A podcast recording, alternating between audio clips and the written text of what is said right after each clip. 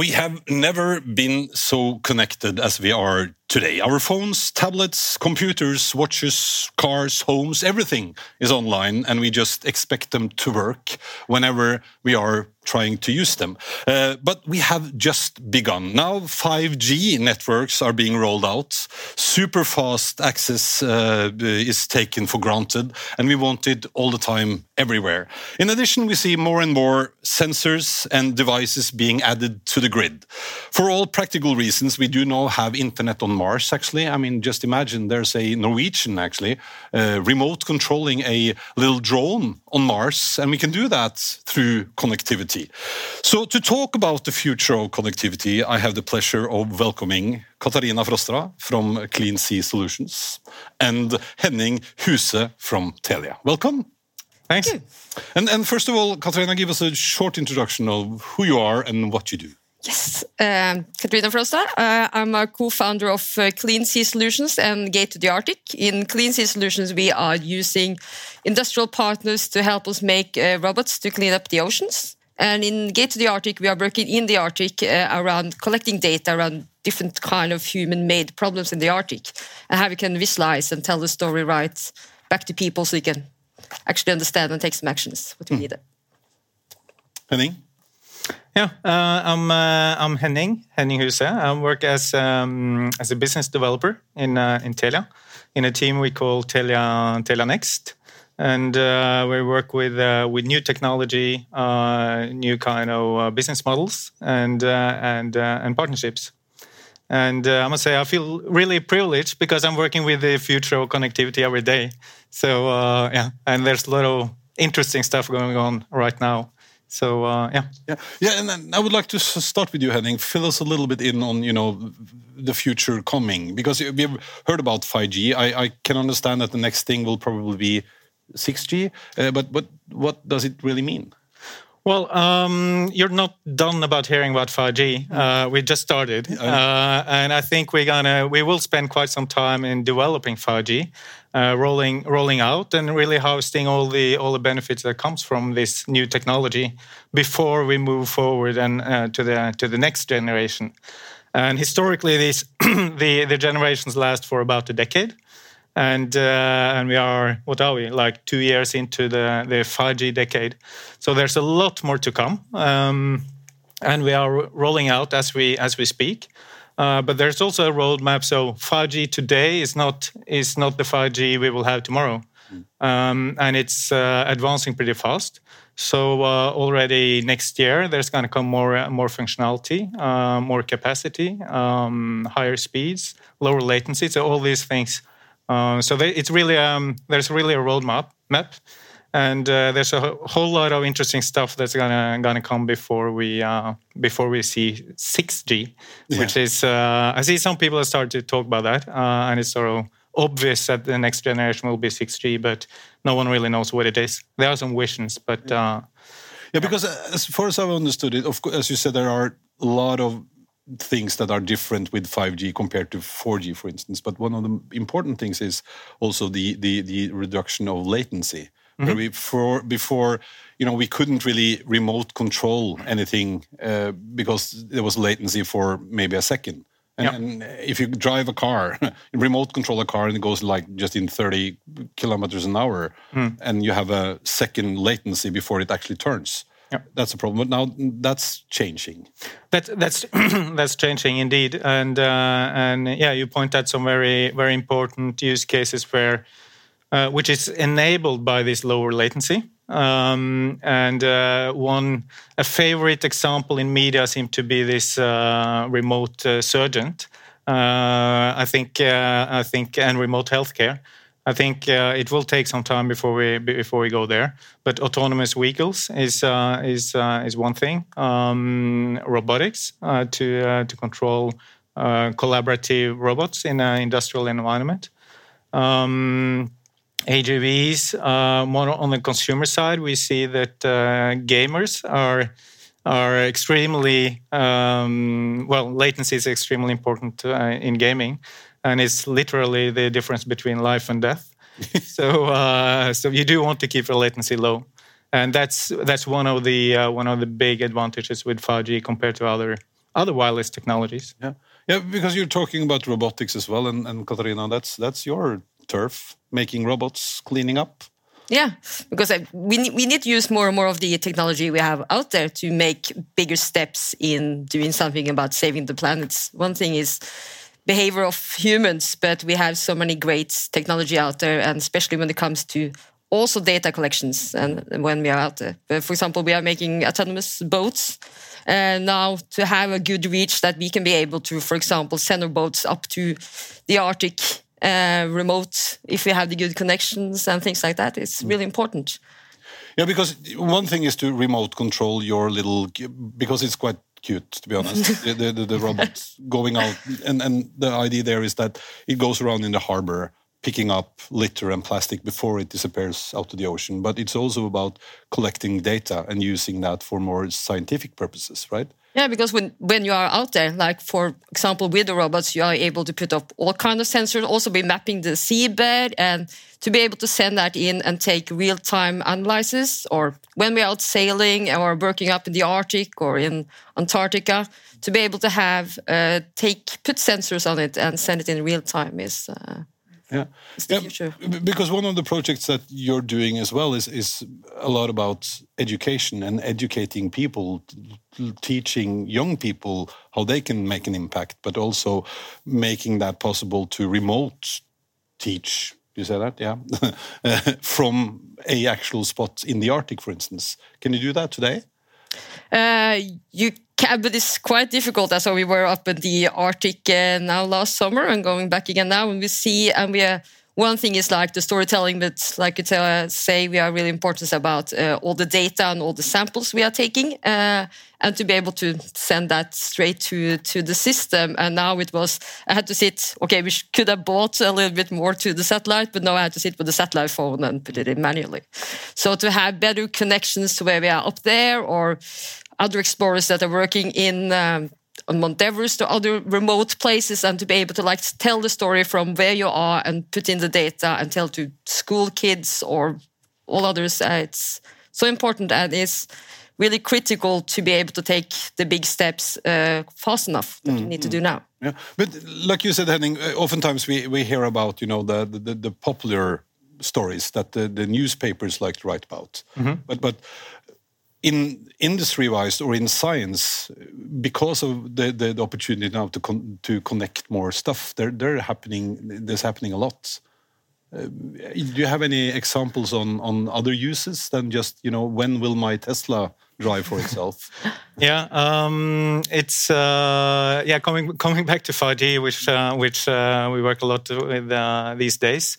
Uh, we see that um, it's actually within industries. That's where we find the, the biggest changes, and that's where the technology is enabling a, a bigger shift. Um, and we are going from uh, sort of a one size fits all kind of service that we know from the cellular network from before uh, to a much more customized and, and optimized uh, connectivity for, for, for the purpose you uh, or for your needs um, which includes also actually building your own private mobile network. Uh, so you're not sort of other people will not affect the the capacity, and uh, they will not take your resources, and you have your own uh, cellular network just for yourself. And there you can control uh, machines. You get ultra low latency. You get very high, very high performance. And this is for for building fle flexible production uh, facilities, uh, a processing plant, for instance, um, or a logistics terminal. Um, it's uh, you want to go, you want to use wireless technology to be to be flexible, uh, and you are replacing or reorganizing your production uh, facilities every now and then. And if you are based on on uh, wireless technology, that's a lot more easy, a lot easier than if you are cabled. Mm -hmm. um, and also the mobility part because things are getting more and more mobile yeah. um, and then you also take advantage uh, of the um, of the the national uh, cellular network and you can actually combine your own private network with the national network mm. so you can ensure a big uh, or um, a good um, good mobility yeah. throughout the whole footprint yeah, because access to the internet and access to the network is become or more or less like a human right, so to speak. It is, yeah, yeah. yeah.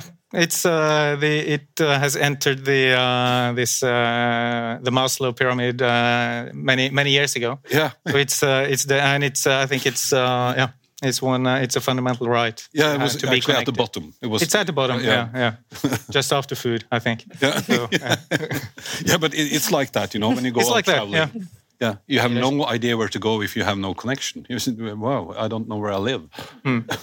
but but when you travel around the world, and uh, especially in remote places, how important would it be, or what can you do? What what kind of is, is the next thing that you think will be breakthrough for for your work? Uh, it's a little bit double because one of the things that I also like to go to these remote places is that I'm not connected and I don't have the possibilities. But uh, it's also when uh, we are out there, like we talked about, uh, how cool it is if we could be able to be more connected when we are out in the de- deep sea uh, and see what's going on there. And especially when we talk about uh, the nature and how we need to protect that, we need to uh, have more. Um, IoT sensors and real time to see what's actually going on uh, at that moment. And uh, that's the same when we are out traveling to remote places to to show and see. It's uh, Yeah, because I, I, I met a group of engineers. Uh, I think it was last year or maybe the year before. You know, the COVID thing. It's kind of yeah, the period there. It's kind of a black. No, uh, but I, I met a, a group of engineers, and they were working on. Uh, to start with, they were actually making a oh böje. What the, what's Bow? it called in bow? Bow. Yeah, that you can uh, oh park your boat. You don't park your boat. What you do? This is your uh, uh, har- harbor boat, yeah. harbor boat yeah. Yeah. and it was outside uh, this was outside disney i think when the big you know tankers came in and they have boats that they can park with uh, until there's a free space in in uh, in the harbor. And and they suddenly teamed up with a bunch of, of, of scientists because they realized that now with the, the connectivity opportunities that they have today, they could fill that boat with a bunch of sensors. So instead of just being somewhere to to to tie your boats, it could actually be a little scientist station, and being able to kind of place stuff like that around the world is is this something that that you see happening as well? Uh, yeah, absolutely, and it's interesting you mentioned that that example because we're also working on uh, on uh, on the same thing now, uh, to, uh, together with uh, partners in in Trondheim, together with Sintef, and uh, and uh, co- connecting these uh, bios with with a whole lot of sensors, uh, connectivity uh, for sure, and. And uh, and even cameras, so you can uh, cameras as a, as a sensor and and uh, and water uh, measuring the water quality and, and so on and so forth. So so there's uh, there's a whole lot going on in in in that area, and I must say um, it's easier. This is in in the Trondheim fjord, uh, so it's uh, it's a good place to start. But I really see the challenges you, you mentioned when you go to, to the Arctic, when you go really far offshore, go to really remote places. It's uh, it's difficult to have to be as connected as we are used to uh, on land. But there are also interesting things happening now with these uh, low orbit satellites uh, that will provide uh, connectivity basically all around the globe, and uh, and that is. Um, that's going to be a good alternative, in particular for, for IoT sensors, where you don't need the, the lowest latency, where you can live with a few seconds, but where coverage is the is the main main driver for creating value. So that's also uh, yeah we have see a lot of lot of companies putting satellites in uh, in in space these days. So uh, or at least two. Uh, so uh, that's uh, that's one of the trends that I think will uh, make make some impact moving forward. Yeah, yeah, because you you we, we talked a little bit before we went uh, on the air here, uh, and you talked about a very cool project that they used uh, sensors to capture a sound from a specific bird. Yeah, because they want want to get rid of uh, all the people that um, criminal uh, taking uh, the uh, rainforests.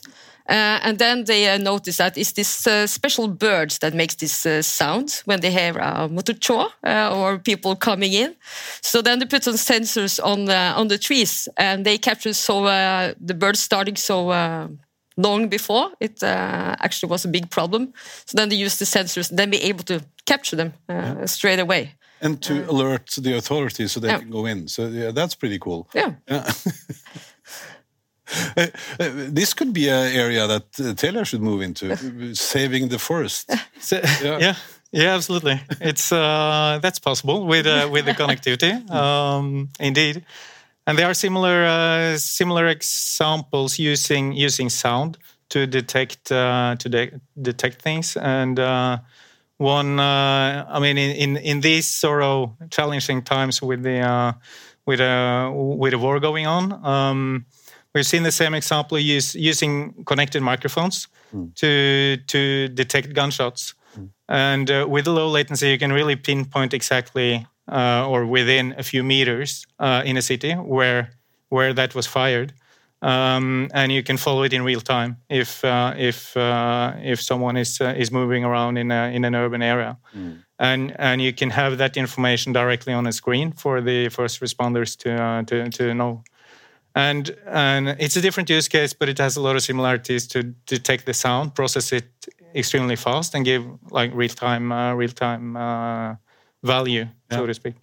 Yeah, because I, I also, I mean, like heard about edge computing and the ability we have to process pretty heavy uh, analysis, you know, on a device placed, for instance, in the forest or in the Arctic or wherever. Uh, but now, when you're able to connect it to something, you can actually send that information back uh, to us. Is is I mean, how, how do you see?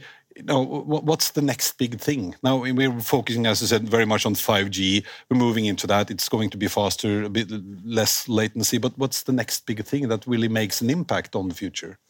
Uh, yeah, you you, pinpointed one uh, edge edge computing. Uh, that's definitely one of the uh, that's it's a it's a trend coming and uh, and uh, and after moving everything to the cloud, it's sort of going back to the edge. Um, and and you have an interplay, of course, between between the cloud and uh, and the edge, and then.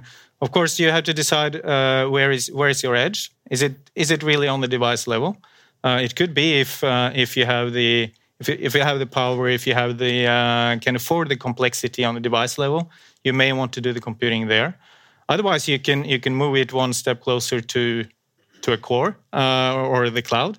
Uh, but then you introduce um, um, you need better connectivity, uh, low low latency, high capacity, um, and you can and depending on where between between the device and the, the cloud you are, um, you can decide where you want the processing to to happen. And what we are when a telco talks about edge computing, it's it's very much to to integrate connectivity and computing power and move that as close to the user as as you can. So uh, a, a smartphone is is already an edge device, uh, but you can have smaller IoT sensors with less logic, uh, less battery, less uh, less consumption, lower cost, um, but with connectivity. So they're just sending the information to um, one or two or three steps uh, towards the cloud uh, for uh, for processing. Yeah, yeah, because this has both to do with, of course, accessibility and speed and all that, but also very important for security.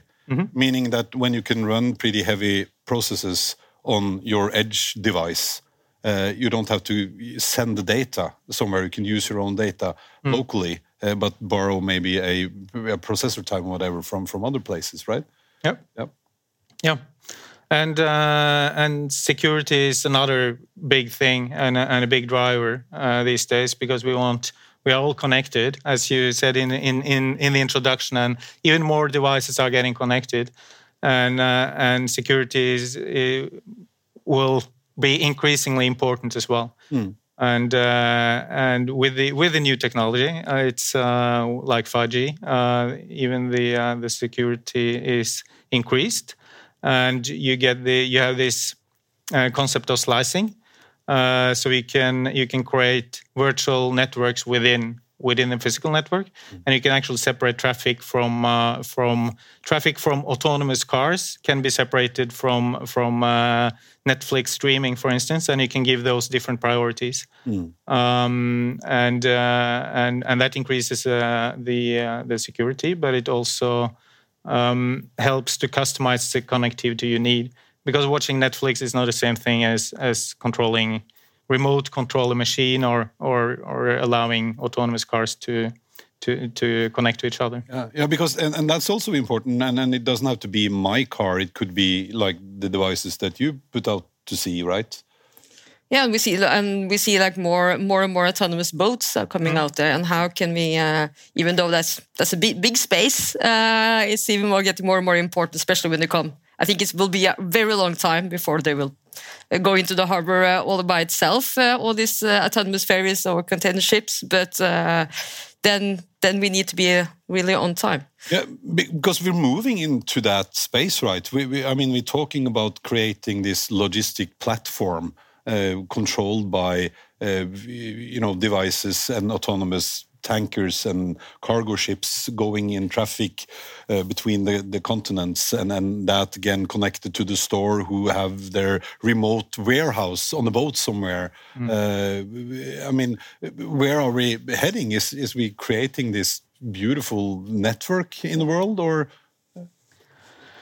well, there are a lot of beautiful networks being created, obviously. Um, so, uh, and and we are moving towards.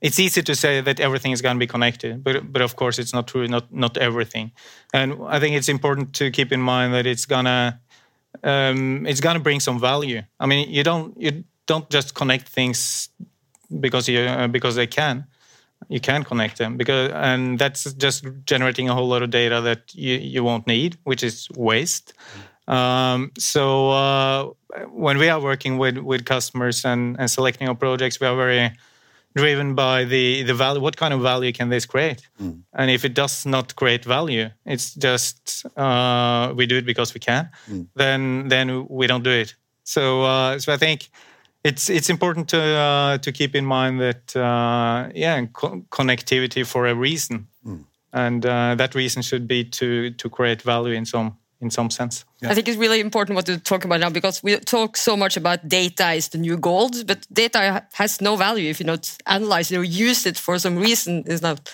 you don't need to just collect, now we just collect data for collecting data, and uh, yeah. and and what what you're saying will will help you also when you go to a remote place. We can make sure that your phone doesn't work, so you can't talk to anyone. So you will be kind of in your own little free space, but you can still work and send data. Yeah. What, what, what are your hopes for the future of co connectivity? My hopes for the future of connectivity. Um, it's going to be. Uh, it must be uh, secure, mm. safe. Uh, it must be available, um, and it must serve a need. I mean, um, so and and it must create value. Otherwise, uh, why, why, why get connected? Yeah, yeah, yeah, So we're moving a bit away. I, I, feel also sometimes away from, as you said, from not just do it because we can, but but we do it because it makes sense to do it, right? It makes sense and it creates value for for someone. Yeah. yeah. What are your hopes?